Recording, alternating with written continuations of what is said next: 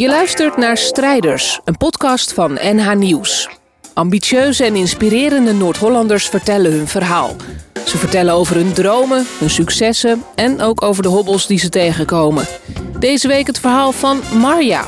Ik ben Marja Baas en ik ga u vertellen over My Oh. Dat is mijn bedrijf, mijn tweede bedrijf.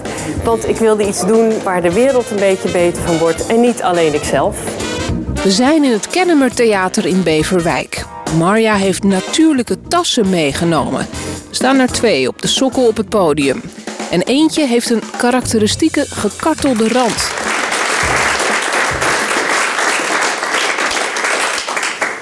Twaalf jaar geleden zat ik op een bankje op een dijkje met het uitzicht over het IJsselmeer in mijn dorp Muidenberg.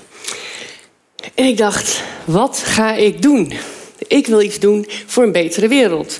Maar ik wil wel iets doen wat ik kan. Ik had al een heel mooi bedrijf gehad. Had ik samen met een hele lieve compagnon een soort van reclamebureau in Amsterdam. Met 35 medewerkers.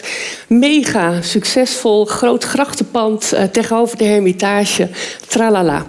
Maar ja, toch verkocht. En waarom dan? Um, ik wilde iets anders. Maar wat?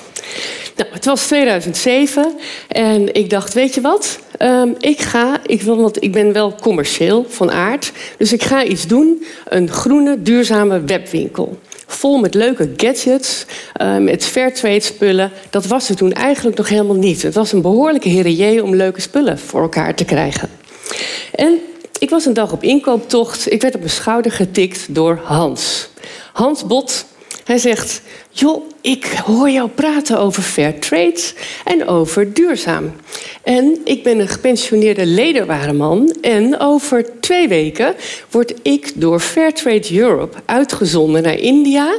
Want dan ga ik bij een werkplaats waar ze leren tassen maken... ga ik op mijn knietjes naast de mensen zitten om ze te helpen... om de producten beter af te stemmen op de westerse markt. Zodat ze meer mensen uit de armoede kunnen halen... ze op kunnen leiden, kinderen naar school kunnen brengen gezondheidszorg kunnen hebben, milieuvriendelijke materialen in kunnen kopen enzovoort. Dus ik dacht, dat is het. Ik vind dit leuk. Maar hij zei, ze hebben van die slechte ontwerpen. Nou, ik zei, Hans, ik ga zorgen dat jij mooie designs krijgt afspraak gemaakt met Hans over een week op ons kantoortje. En, um, maar ja, ik dacht, uh, halleluja, ik heb helemaal geen verstand van design. Hoe ga ik het aanpakken? Maar Nederland is natuurlijk wel beroemd, hè? Dutch Design. Uh, dus de Design Academy is behoorlijk bekend. Ik bel ze op en ik zei van, kunnen jullie me helpen? Nou, dat was best wel moeilijk, duurde een jaar, uh, ik geloof 15.000 euro of zo. Ik denk, ja, dat gaat niet. Maar, zei ze, je kunt wel een advertentie plaatsen in ons alumni-netwerk, waar de afgestudeerde de, uh, studenten zijn. Nou, heb ik gedaan. Vier enthousiaste reacties van mensen die dat zagen zitten. Die wilden wel een duurzaam ontwerp maken. Dus zij uh, uh, naar ons kantoor komen samen met Hans. Die had inmiddels ook wel door dat ik daar eigenlijk nog helemaal niks van wist. En um, hij met leer alles vertellen. Vertellen over de werkplaats, wat ze konden, wat ze niet konden. Nou, wel een dolle middag. En um, Hans in zijn tasje met vier ontwerpen, hup, naar India. Week of zes later komt Hans terug. En wat nam die mee? My Paperback. Deze tas. De aller, allereerste. Um, wij dachten, wat een leuk ding zeg. Weet je wat? We kopen de 75, die bestellen we. Helemaal blij de mensen in India, 75 tassen. Nou, maandje of drie later, tassen komen aan. En uh, ik stond op zaterdag uh, bij de hockey voor mijn kinderen. En toen belde een vriendin. Die zegt, hé hey Mar, Jouw tas staat in de Volkskrant magazine. Zo groot. Goeie tas staat erbij. Ik denk, nou, dat is leuk. De website stond erbij, dus ik ga eens kijken. Nou, hoeveel bestellingen hadden we? Enig idee? 75. Nou, 900. In een halve dag. Dus ik dacht, dit vinden mensen leuk. En dat was ook precies wat ik op dat bankje zo graag wilde. Dus ik dacht, hier gaan we op verder. Maar ja, toen begon het was, want er zijn toch wel wat culturele verschillen te overbruggen. Over kwaliteit en over cultuur. Kleine anekdote is dat uh, bijvoorbeeld, wij gingen naar een hele grote beurs uh, in de rij. En uh, de samples waren niet op tijd. Ik zei, oh, moet dat nou? Kom op met die samples. Oh, zeiden ze, je verplaatst toch gewoon even die beurs. Wat maakt dat uit? Nou, dat uh, gaat dus niet. Maar goed, uiteindelijk, het is allemaal goed gekomen. En we hebben daar meer dan 100 mensen uit de armoede kunnen krijgen. 100 families helemaal happy. Hoera. Maar ook daar liepen we tegen de limieten op. Want zij wilden eigenlijk niet uitbreiden. Ze zeiden, joh, dit is een beetje te veel. En ik was al steeds op zoek, ik zag hem aankomen natuurlijk, naar andere partijen. Maar ja, uh, bij die andere partijen zag ik dus wel bijvoorbeeld de auto van de eigenaar steeds groter worden. Maar die mensen die kregen het niet noodzakelijk beter. En dat is dus echt iets wat ik met zoveel partijen heb gezien. Want in de mode, dat is dus ook de tweede sector in de wereld waar het meeste aan mis is. Aan slavernij, aan milieuvervuiling, nou, you name it.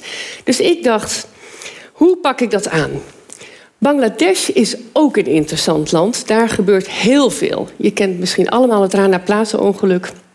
Nou, maar ik hoorde van Ralf, iemand uit mijn netwerk, die had daar een heel onderzoek gedaan voor de ambassade in de leersector in um, Dhaka, in Bangladesh. Dus ik bel hem op. Ik zei: Joh, Ralf, uh, ik heb een werkplaats nodig. Weet jij niemand die tassen voor ons kan maken op een fairtrade manier? Nou, zei hij, dat weet ik. Taslima Miji. Wat een vrouw. Maar die heeft het heel erg moeilijk in die enorme masculine cultuur daar. Die heeft het gewoon zwaar, die heeft hulp nodig. Hij zegt, wanneer ga je dan weer naar, naar, uh, naar uh, India? Ik zeg, nou, uh, september. Ze zegt, koop een ticket, dus mijn uurtje vliegen, kom op. Dus mijn collega Gwendoline en ik, hup naar Taslima toe. En inderdaad, wat een vrouw helemaal precies ons type. We passen bij elkaar en geen enkele zorg dat zij het op uh, een niet manier doet die niet bij ons past. Dus. Uh, wij zijn erheen gegaan, maar ja, uh, heel klein bedrijfje. Ze had eigenlijk meer mensen die ze zielig vond dan mensen die echt goed tassen konden maken. Dus ja, dat is best wel lastig.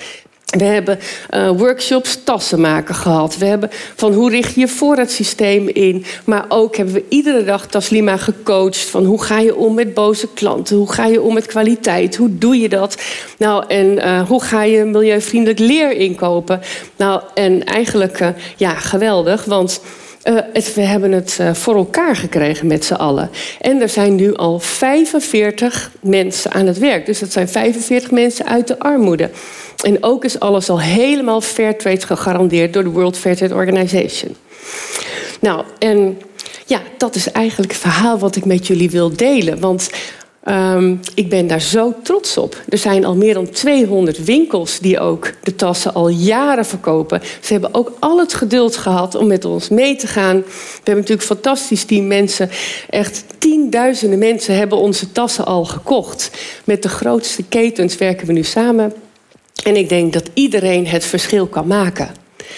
En ik nodig ook iedereen daarvoor uit, want het geeft zoveel plezier. Dankjewel. Je hoort het verhaal van Marja. Het is er één uit de serie Strijders van NH Nieuws. Abonneer je op deze podcast, dan krijg je iedere vrijdag een nieuwe aflevering. En helemaal leuk als je een reactie achterlaat.